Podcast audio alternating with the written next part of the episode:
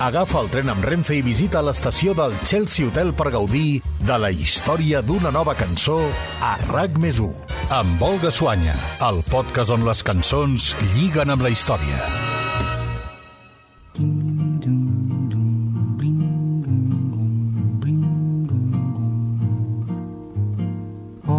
Que coisa mais linda, mais cheia de graça. Ela, menina que vem, que passa, num doce balanço, caminho do mar.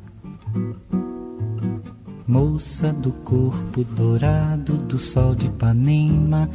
Una tarda de 1962, el compositor Tom Jobim i el poeta Vinicius de Moraes es van trobar com feien sovint en una de les terrasses més famoses del barri carioca d'Ipanema.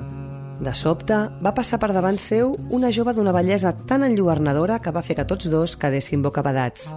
Després d'aquell primer impacte, i des de la mateixa taula, les següents setmanes la van veure un parell de cops més, causant-los el mateix efecte encisador del primer dia. La noia tenia 17 anys i es deia Eloísa Eneida Menezes Paes Pinto, però tothom la coneixia simplement com Elo Piñeiro. Tobim i de Moraes la van convidar a seure, però ella, tot i sentir-se afalagada, era molt tímida i es considerava massa jove per acceptar la invitació. Els dos artistes van entendre la seva resposta, però van marxar cap a casa amb la necessitat d'escriure-li aquesta cançó. lovely. La primera gravació que existeix del tema és d'una sessió en directe de 1962 enregistrada en un club nocturn de Copacabana.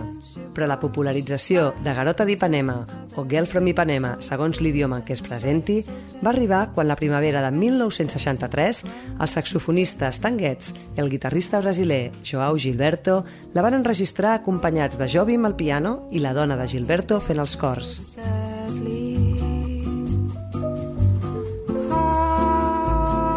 Astrid Gilberto no era cantant professional, però mentre era a Nova York acompanyant el seu marit en la gravació del disc, la van sentir cantar espontàniament unes estrofes del tema i els va agradar tant que li van demanar que les enregistrés. but each day when she walks to the sea, she looks straight ahead, not at. Thought A mida que la peça anava fent-se famosa, cada cop més gent es preguntava qui devia ser aquella noia de qui parlava la cançó. Així que amb la voluntat de desvetllar el misteri, De Moraes va localitzar la mare de la jove i li va explicar que s'havia inspirat en la seva filla per escriure la cançó.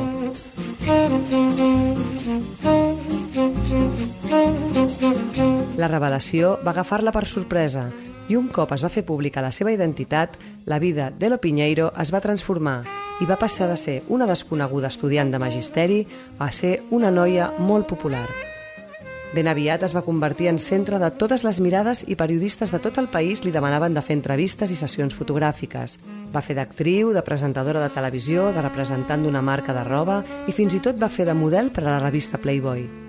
Així ho recordava Pinheiro el 2012 en una entrevista a la BBC, on reconeixia com li havia canviat la vida aquest fet inesperat de quan era jove i alhora puntualitzava que ella no era la noia d'Ipanema, sinó només la inspiradora de la cançó.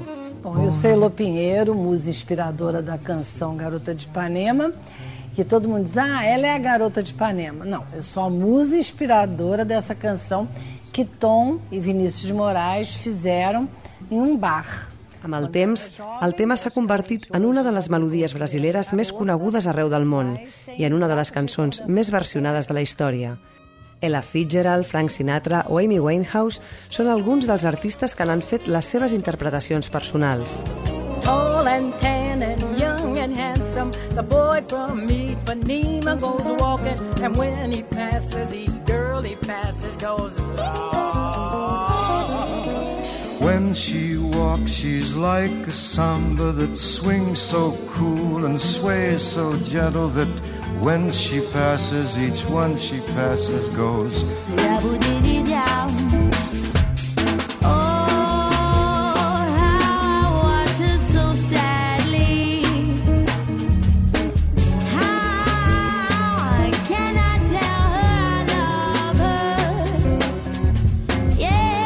a casa nostra, el malaguanyat Pau Donés en va fer també la seva versió el 2005 amb els Jarabe de Palo. Belleza que no solo mía, que ahora pasea solita. Oh, prima, si supieras que cuando tú pasas... Avui, la cançó no només és una icona de la platja d'Ipanema, sinó tot un símbol de Rio de Janeiro. Per això no és d'estranyar que quan la ciutat va acollir la celebració dels Jocs Olímpics de 2016 fos una de les cançons triades per a la cerimònia d'inauguració. Olha que coisa mais linda, mais cheia de graça, é num doce balanço caminho do mar. Aquell 5 d'agost, l'escollida per ser la noia d'Ipanema va ser la model brasilera Giselle Bunchen. It, it wasn't just I was doing something for me. I felt like I was doing something and I was kind of carrying a whole big responsibility of kind of representing my country. I, Bunchen va acceptar el que ha confessat com el repte més difícil de la seva vida professional, travessar el mític estadi de Maracanà desfilant amb un vestit platejat amb cua de sirena sobre una llarguíssima passarel·la al ritme de les notes de la cançó. Al final del recorregut, l'esperava el net de Tom Jobim, interpretant el tema en directe al piano. Havia passat més de mig segle des que el seu avi havia compost la melodia inspirat per aquella noia encisadora que passejava per la platja d'Ipanema. I fer-la reviure en aquell acte tan solemne era una gran responsabilitat.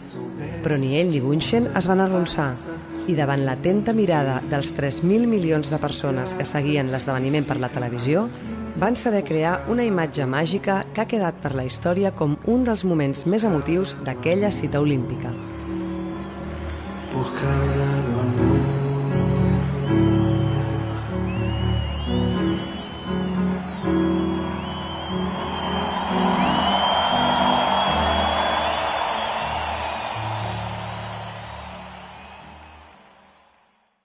El tren de Renfe, amb parada a Chelsea Hotel, reprendrà el seu viatge i tornarà dissabte que ve amb noves cançons a RAC més 1, amb Olga Suanya, el podcast on les cançons lliguen amb la història.